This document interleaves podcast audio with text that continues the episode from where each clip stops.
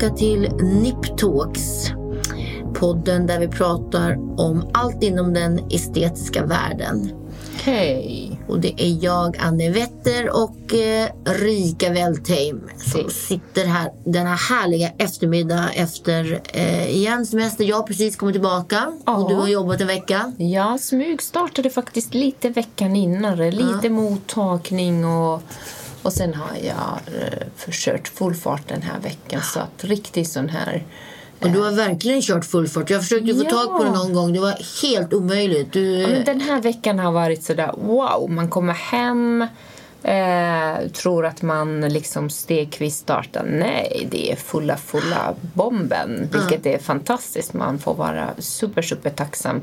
Eh, nej, men jättekul vecka, verkligen. Mycket mottagning, mycket nybesök, så kallade informationsmöten. Allt från från kroppen, bröst, ansikte men sen också en helt fullbokat operationsschema. Och väldigt, du- mycket, väldigt mycket ansikte den här veckan faktiskt. Så att eh, mycket ansiktslyft, eh, halslyft. Kan du inte berätta lite? Ta lite. Jag menar, jag, vi... Nej, men till exempel em, så gjorde jag en kvinna som har ganska små barn men hon närmar sig eh, någonstans mellan 45 och 48 och så börjar man se ganska trött ut och känna bara att det passar inte livskvaliteten. Man känner inte igen sin ansiktsintryck. Man ser lite, ja, lite sliten och trött ut även om man inte känner det. Eller kanske man är när man har små barn, men eller, ja, det är man ju ändå. Men man vill inte det. Och har man möjlighet så många gånger som man vill lite grann storstäda och det gjorde vi faktiskt i måndags eh, påsar under ögonen, så kallat underögonlocksplastik där man eh, reparerar den ringen som börjar se trött ut. Det är oftast lite fettkudde som trycker ut mot den tunnar, tunnare huden som släpper. Och det är oftast en fettkudde som sitter när vi är unga stabilt under ögat.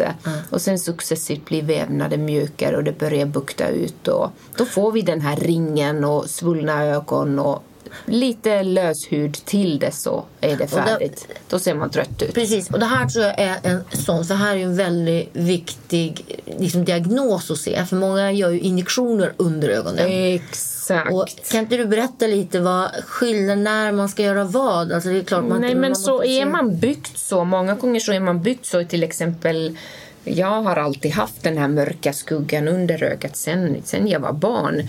Eh, och och då, är, då är man byggt i den formen och, och har man bra hudkvalitet så ofta då så kan man göra filler och mjuka upp det. Lite grann kamouflera det. Men när man redan är i åldersprocessen och huden har blivit slapp och fettkudden finns där, då är det väldigt svårt på vettigt sätt spruta bort den. Det blir bara svullet, man ser, man ser svullen ut och det är det som är viktigt att man träffar en erfaren behandlare framför allt när det handlar om området under ögat för både kirurgin är ganska avancerad och eh, injektionsbehandlingar måste man kunna ställa rätt diagnos och säga vad ska vi behandla? Precis, var ligger fettet här? Exakt. Men i det här fallet då så var det påsar, alltså regelrätta som låg Exakt. lite under ögat som du då Exakt. tog bort och sen tajtade till huden. Nej, exakt. Så fett där egentligen, när man går sen vidare till ett kirurgiskt ingrepp, em, just under ögonlocksplastik, då är fett för oss väldigt bra för att då använder jag den, det fettet eh, för att jämna åt alla de här kropor och, och em, trötta fåror. Så att det, det är en material som man gammaldags teknik tog bort. Man rensade bort och det kan man delvis göra fortfarande men mer och mer så tänker vi att fett är som en resurs. För en ung människa har väldigt mycket volym i sin, sitt ansikte och tar bort det, då ser vi ju håliga och åldrade ut. Så att då gör man mer en, en flyttning av position av den. Man möblerar om helt enkelt. Och där kan man också säga, många unga idag vill ju ta bort fettet i kinderna för Ja. att få det här Ja. lite avmagrade. Och det är egentligen helt vansinnigt att göra. här Det kan man göra i vissa, vissa få fall om man verkligen har den biologin. Men precis som du säger, och det brukar jag varna alla unga som är väldigt pålästa av Hollywood-sidor där buckalfett borttagning är väldigt inne är att man ska ha i åtanke att man tar bort volym vilket gör att man ser åldrat Ja. ut. Och då kan ju det stödet mot kinden falla och man kan börja få faktiskt lite lös hud. Ja. Så det är inte alltid att man föryngrar utan man föråldrar. Eh, Så fett är bra på rätt plats. Ska vi sammanfatta så? Exakt, exakt. Så det gjorde jag till henne men också så hade hon fått en fall av ögonbrynet, pannan, ögonbrynen sjunker och i vissa fall så är det ju ögonlockshud man tar bort och i vissa fall så är det ju att ögonbrynet blir väldigt tung. Mm. Och, och, och då kan man ju också behöva omplacera det. Man ser lite besk, sur ut, arg ut eh, om eh, ögonbrynet tyngar ner. Och det är ju det här argmuskler som, som arbetar och drar ner. Och där är ju väldigt bra med botox att man hindrar, att man förebygger att man använder det så att inte musklerna drar samma sätt. Men har man inte använt den och hur som helst så kommer ju ögonbrynet ner. Åldrandet går ändå ner. Så det har jag rättat till. Och då du gjorde du ett pannlyft alltså. Du lyfte Exakt, hela pannan. exakt. Och då, skärm, då helt enkelt skär man upp i hårlinjen. Nej, utan det också gjorde man gamla tiden. Nu gör man det titthålskirurgiskt vilket Just är väldigt det. mycket skonsammare. så man gör det. bara små titthålsöppningar i där håret växer så de ärren är mellan hårsäckar så de syns inte om man sen inte går kamma och leta efter dem. Och man Men- tappar inte heller hår på det sättet. man, exakt, kvinnor brukar Ja. inte tappa Nej. samma sätt. Så att det är, det är i vissa fall män söker, eller många, fall, många gånger så söker ju män också för det här ingreppet. Och då får man ju, för de som har tappat hår, eh, berätta att, att, att man kan få ärr som syns. Och är man helt kal så är det inte så trevligt Nej. att ha de där ärren. Då ser det opererat ut. Men å andra sidan, män kan ha lägre ögonbryn. De kan ju ha, det exakt. exakt. Men blir man väldigt tung så då får man ju göra ögonlocken helt enkelt. Mm. Och, det. om man är kal. Eller så gör man hårtransplantation hos Ja, oss, eller hur? Precis. Allt, allt går att Det fixa. är många lösningar till. Men den här lilla kvinnan då Ja, med två då små som- barn. Hon nej, gjorde men- undre ögonlock, pannlyft Ja, och samtidigt. sen har jag faktiskt också lyft hennes hals som blev tung. Ah. Så att eh, det var en hel, hel ansiktslyft kan man ju säga. Och hur Eh, lång tid tog en sån operation? Det här tar ungefär tre och en halv timme att göra Mm. och det beror på att man syr väldigt, väldigt, väldigt noggrant många, många, många små stygn för att alla ärren ska bli så osynliga som möjligt. Så att det, det är en trix och fix, eh, hålla på lägger de där stygnen så att vi verkligen får så osynliga är. Och det får man faktiskt även om man i allra, allra flesta fall idag så är, är tekniken så otroligt avancerad att man kan nästan trolla bort ärren. De finns där och man vet vad man letar efter men de gammaldags långa raka ärr framför öronen det är ingenting som vi idag använder. Det, det, det är borta om man nu följer utvecklingen.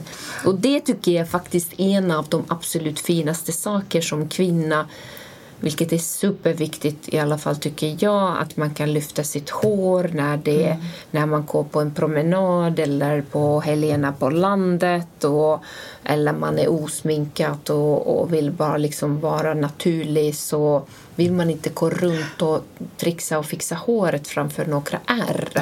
Sen leker man självklart alltid individuellt och i vissa fall kan man få krångel med, med något område och sånt går ju oftast sen Och det går att fixa. Där kan man ju Fixa få hjälp med laser. laser eller sy om eller, eller något. Men, men generellt tycker jag att det är en av de finaste saker Mm. som jag personligen satsar extremt mycket energi i att försöka trolla ärren så, så att öronen ser verkligen vackra ut fortfarande. Mm. För det är därifrån man går ner till halsen. Just det, för när du gör ett handskrift då öppnar du. Är vid öronen. Man går liksom tinningen, håret bakom den här lilla tragorsöronpruppen och sen kommer man bakom örat. Så det man trixar och fixar och svänger och drar där så att det blir inga raka linjer. Och det ögat uppfattar ett rakt är alltid mer synligt än någonting som svänger. Och det gör ju att de ofta så örat har ju sina egna vinklar naturligt. Då kan vi ju försöka gömma dem dit så, så man kan föryngra sig utan att se opererat Mm. ut. För det är det som de flesta vill, eller hur? Precis. Man vill se sig själv Ja, gud, ut. ja. Det är ju det viktigaste. Och det är Mm. därför jag tror också att många gör. Och så här som du säger, ändå en ung, en u- relativt ung Ja. kvinna som har små. Ja. Man kanske också fick barn lite senare i livet. Så vill Exakt. man känna man går på dagis med 25-åringar som har barn. Att man vill inte känna sig som Exakt. mormor som kommer. Det vill man ju inte. Det Men efter en ganska- sån här operation, det är ändå rätt stor, det här är ju ett stort det här, ingrepp. det här är en större, större operation. hur så får man räkna då? eh. Konvalescensen eller eh, återhämtningen? Nej, men så en vecka blir man ju ganska trött och man ska vila. Man ska tänka sig att man tar det lite lugnt eller tar det väldigt lugnt. Man är hemma, sova huvudet upp. barnen kanske. Barn, maken får äntligen ta hand om dem. Man får inte städa, fixa, lyfta städ mm, eh, eller mm, tvättpåsar. Allt det där vi kvinnor oftast tyvärr fortfarande pysslar med och ansvarar. Så det är ju borta och det är många kvinnor vill att man skriver intyg att det gäller för ett halvår men inte riktigt så. så maken får ta över. Nej men en vecka är man ju liksom inte liggande i sängen, man är hemma och vilar. Och sen kommer man för kontroller och den andra veckan så håller man på successivt ta bort stygnen. Ja, så en, en vecka tar man stygnen ungefär va? Vid ögonen en vecka men sen eh, vad gäller de här ansiktslyftstygnen så de kan behöva sitta upp till två veckor. Okej. Det är det normala. Sen finns ju alltid individuella läkningsförmågor och då måste man ju tänka att den tredje veckan kan man behöva komma för någon kontroll eller fortsätta titta på någon, någon område som är mer svullen eller så, så att det är ändå för, förhållandevis kort läkning om man nu Absolut. tänker att man Ja. får någonting för nästkommande 10-15 år minst. Så att, eh, men det måste planeras. Kirurgi måste planeras. Man måste vara medveten att man måste vara hemma och leka och att det kan ta lite tid innan allt ser okej ut. Och Oftast med, ser man ut som sin finaste efter några veckor. Sen är ju huden ändå elastisk för när man inte längre är 20 år gammal då är det mjukare. Så även om man lyfter maximalt eh, så måste man ha i åtanke att lite vill den ju släppa. Så det är den individuella förbättringen vi kan få. Vi kan inte beställa slutresultat. Man kan inte säga jag vill se ut så här eller så här utan man gör arbetet i sin helhet och så får man en individuell förbättring. Mm. Så man måste tänka realistiskt. Det är Och det jätteviktigt. tror jag är viktigt att förklara först. Och där Exakt. kommer också de här kamerorna in. Att man, Ja. Vad är det för resultat man kan förvänta sig ungefär? Exakt, vad kan man exakt. se? Ja. Men vilken stor, hon måste ju varit helt överlycklig denna småbarnsmorsa att ja. äntligen få gjort det och Äntligen planerat in det gjort. Jag tror, eh, ja, det du tror träffar jag. henne om tre veckor nu igen då? Ja, hon kommer till eh, så kallade sjuksköterska möten och sårkontroller och stygngborttagningar och sen ses vi liksom under, under tiden och sen när man tittar på det så kallat slutresultat då brukar vi säga att man vill vänta ett halvår men då pratar vi om små saker så att en månad är ju det där det händer mycket. Så det är fantastiskt kul kirurgi. Jättekul. Kul. Och egentligen Ofta så känner man att man vill göra små saker men, och det kan man också göra men egentligen får man göra lite i helheten, liksom i hela ansiktet lite det och det är individuellt och skräddarsy de områden som just man själv i sitt åldrande har fått så blir det ju lite mer naturligare resultat även om man gör mycket för att det blir med helhet. Ja. Sen är ju självklart inget fel att göra en sak i taget. Det Nej. blir ju självklart lite enklare läkningsprocess. Ja, men man blir också borta då från jobb och man inte vill synas så att kan man göra det på en gång. Men det är klart, det är ju en större. Sen har du haft, du sa, du har haft lite mindre grejer också. Ja, med mycket bröst, eh, implantat ut av en kvinna som hade tröttnat på dem och ville och är det då att hon har prova. tröttnat på det eller att hon måste byta? Nej, utan hon, just i det här fallet så hade hon en önskan, hade fött några, några barn och kände att, att de hade gjort sitt eh, och ville prova vara utan implantat. Men, men ofta så återkommer man då. Antingen med bröstlyft eller så känner man att man saknar den här kvinnligheten och volymen. Så att när man är så ung som hon är så är det ju mest sannolikt att vi träffas igen.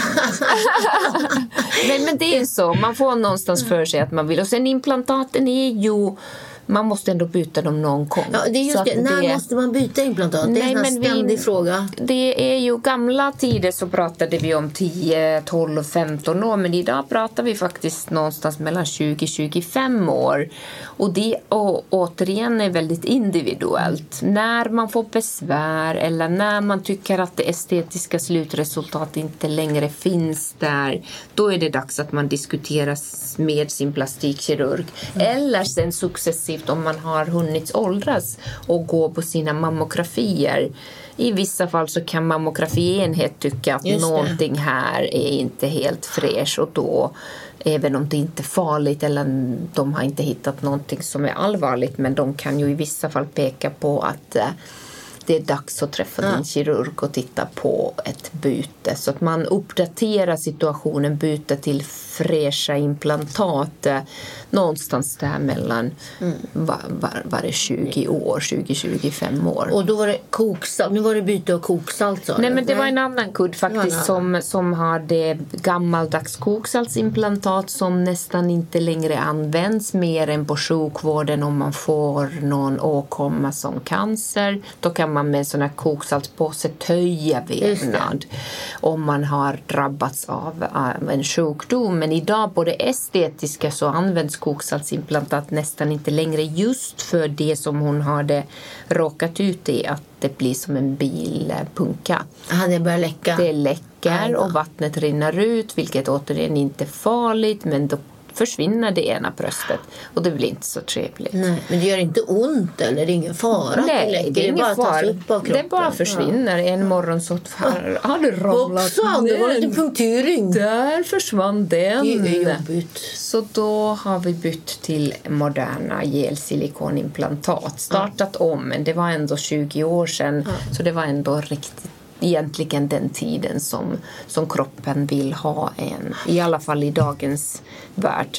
För idag så är det silikon. Det är idag är det gelsilikon vilket ja. betyder att om man skulle öppna ett implantat med kniv till exempel då är det inget som rinner i kroppen för gamla, gamla tider så var det flytande som, det. som kunde flyta och gick det här implantatet sönder, vilket det kan göra, vilket, även om det är ovanligt så kan, kunde en sån här flytande silikon börja röra sig. Mm. Eh, istället den moderna teknologin med gelsilikon är ju mer så kladdigt och, och, och sitter fast även om man skulle då eh, i mammografi till exempel se att ah, ditt implantat ser inte helt ut mm. så är det inte så att man behöver få panik men det är mer som en tecken till att nu är de gamla och så byter man och då kan man ju hitta ett implantat som är sönder men när den är gelsilikon så sitter den där den är, det är bara dags att byta dem. Så det har jag också gjort. Mm. Eh, och sen vanliga bröstförstoringar, både med, med det här sedvanliga gelsilikon men faktiskt eh, så valde en kvinna eh, modern implantat som heter Beelight. Mm. Och det har ju funnits flera år nu ehm, och ehm, en, ett bolag, en uppfinning som kom ursprungligen från Israel men köptes upp av en, en av största implantatbolag i Tyskland som heter Polytech, så nu ägs det av det och är ju helt godkänt i, i Europa sedan många, många år. Och vi gjorde faktiskt de första studierna på Aha. Akademikliniken, okay. jag tror det är sju, åtta år sedan minst. Och den är ju utvecklad till um, att väga mindre än gelsilikon för vissa kvinnor vill ha relativt stor bröst eller om man har önskemål att ha en stor bröst så kan ju då en sån här gelsilikonimplantat börja väga ganska mycket. Alternativt att man har ammat flera barn och det egna vävnaden är skadat och mjuk och, och då är det ju risk att den inte orkar hålla en sån här tung implantat om man känner nu vill jag ha tillbaks mina fina runda stora bröst. Eller det tredje att man har tappat massa vikt, man har varit betydligt större och så har man gått igenom så kallat viktnedgång, kraftig viktnedgång och då blir ju huden oftast ganska ansträngd och tunn. Och har man önskemål att ha en kvinnlig fyllig bröst då orkar inte en sån skadat hud hålla en sån implantat. Och där är ju en sån här B-light lättviktsimplantat en helt fantastisk. Åh, kul. Vad heter det B-light. B-light. Ja, som B. Ja, så det, det är väldigt intressant. Och, då, Och det är då, inte en silikongel då? alltså? det är, i ytan är som, det, är, det är samma ytor som vanliga äh, gelsilikonimplantat men in så har man byggt ett system av luftbubblor. Och det gör ju att då tar man bort eh, del av materialet och istället så är det ju lite som en sån här ost med hål.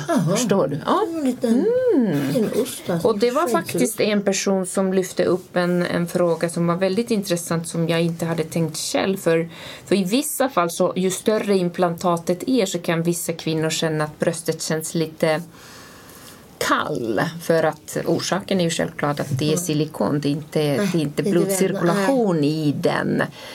Ehm, Även om de moderna implantat idag är helt fantastiska för de känns för handen så sköna och mjuka så det är svårt faktiskt utifrån känna att man har ett implantat om man inte vet.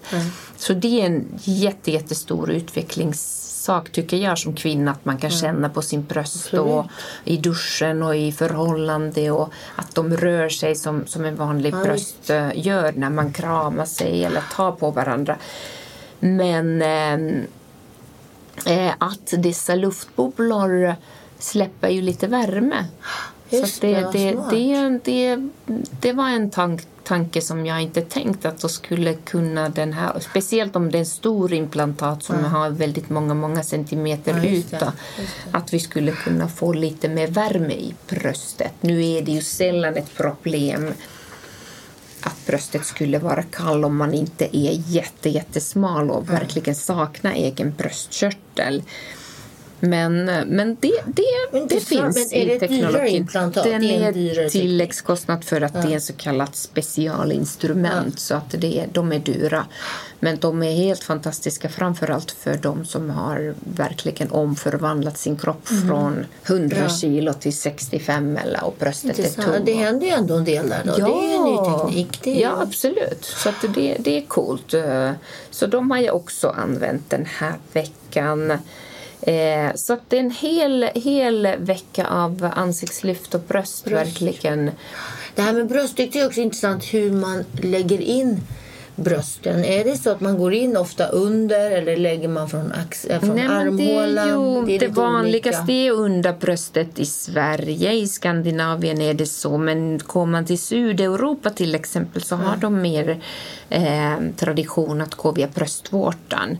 Och varför Ah, skiljer det då så Ja, så mycket? det är någon, någon typ av tradition tror jag. Av, av, eh, sen är ju eh, ja, va- vart man vill ha ärret. Nu, eh, som jag nämnde så har ju gelsilikonimplantat, vi ska, vi ska ta ett avsnitt om allt det här Ja. så ska jag babbla om allt. Men med att de har blivit så sköna och mjuka och det finns en ny teknologi som heter Kellerfunnel. Det är en som en glidpåse. Så kan man faktiskt få in implantatet från betydligt nättare, mindre ärr och sår. Så man behöver inte längre kirurgiskt öppna så stort. Nej, det är ju, det är det, ofta är det ju ärren man vill. Man vill inte att det ska ja, synas. och då blir det ju oftast som en liten linje under bröstet vilket är också en helt otrolig utveckling från, från de gamla stuva implantat som behövde en betydligt större öppning vilket gjorde att det blev mycket mer uppenbara ärr.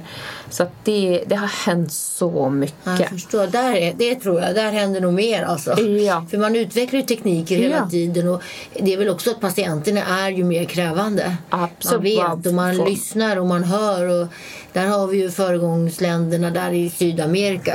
Ja, och sen internet är både gott Ja. och ont men där finns så mycket information så att eh, alla kan läsa det så folk blir ju mycket mer eh, informerade. Däremot så brukar vi inte rekommendera om man nu inte absolut har det åsikt och vill gå via armhålan. För om man nu trots allt blir sjuk av bröstcancer, vilket en av tio kvinnor blir, Även om prognosen och behandlingarna är helt fantastiska idag. De är så duktiga i sjukvården. Så är det ju en un undersökning av lymfkörtlar som heter Sentinel Node som blir förstörd. Så att det är något som vi helst inte Nej, gör för att uh, den behandlingen är viktig då att avgöra vilka behandlingar man ska få. Så det skulle jag personligen i alla fall vilja ha som en option. Så mm. antingen via bröstvårtan om man nu har ganska, ganska stor, inte alldeles för liten Nej. bröstvårta eller så det vanligaste via underbröstet och idag med den, dagens teknologi så kan vi hålla så kallade shortcut, små R-teknologi i allra flesta fall. Däremot B-light är lite stuvare gel. Inte mm. så att det för handen känns stuvare faktiskt. Eh, utan den känns väldigt skön. Men just att få in den mm. kirurgiskt kräver lite längre R. Inte långt R, men en aning, aning längre R mm. än vanlig gelsilikon för att den, den är inte så anpassningsbar via det lilla hålet. Så mm. det är en lite nackdel. Men annars på de indikationer som, som jag nämnde. Och sen är det ju också, har man nu gått ner halva kroppsvikten så har man oftast behov många gånger för bröstlyft. Jag tänkte precis så. nämna det. Att då, så då är inte det här med ärret så viktigt. Och som sagt, det är sånt man diskuterar. Men det är väl också därför det är viktigt att man kommer, man pratar innan mm, man gör ett mm, kirurgiskt mm. ingrepp så är det ju viktigt det här yeah. mötet innan man går igenom vad exakt, man ska göra. Exakt, och vad man tycker och vill och sådär. Så att Jättehärlig vecka, verkligen. Kul. Träffat så många människor och, eh, och, och, um, och kul att vara varit tillbaka. Mycket, men härligt, det är energi, ja. jag känner det. Ja. Kul och ja, jag tror verkligen. här. Jag trodde att, inte att, att jag bara sugs in i det här nej. som värsta liksom plastik... Mm. Uh, facket liksom. Här kör vi rubbet. Ja, ja det är underbart. Ja, men härligt. Eh, kul, du är laddad. Då ja. har vi Nej, en härlig höst att se fram emot. Ja, och, och vi på. Här ska vi snacka och Nästa sen får vi prata om din vecka som eh, oftast brukar inte vara minst lika fullbokat. Det är lika fullbokat. Så får vi höra jag har inte riktigt kommit igång igen. Jo, men du hinner. Du hinner. Så får vi snacka om hud. Nej, men gärna jättekul att prata om, mm. om det här. Och vi tänkte faktiskt nu i höst och vinter prata lite om, om, om just det här, vad vi gör på riktigt. Och mm. självklart kommer vi fortsätta prata om olika områden. Hör av er till Nips Talks på Instagram och lyssna på oss på Spotify. Yes. Trevlig, ha en fin kväll. Trevlig helg. Hej då.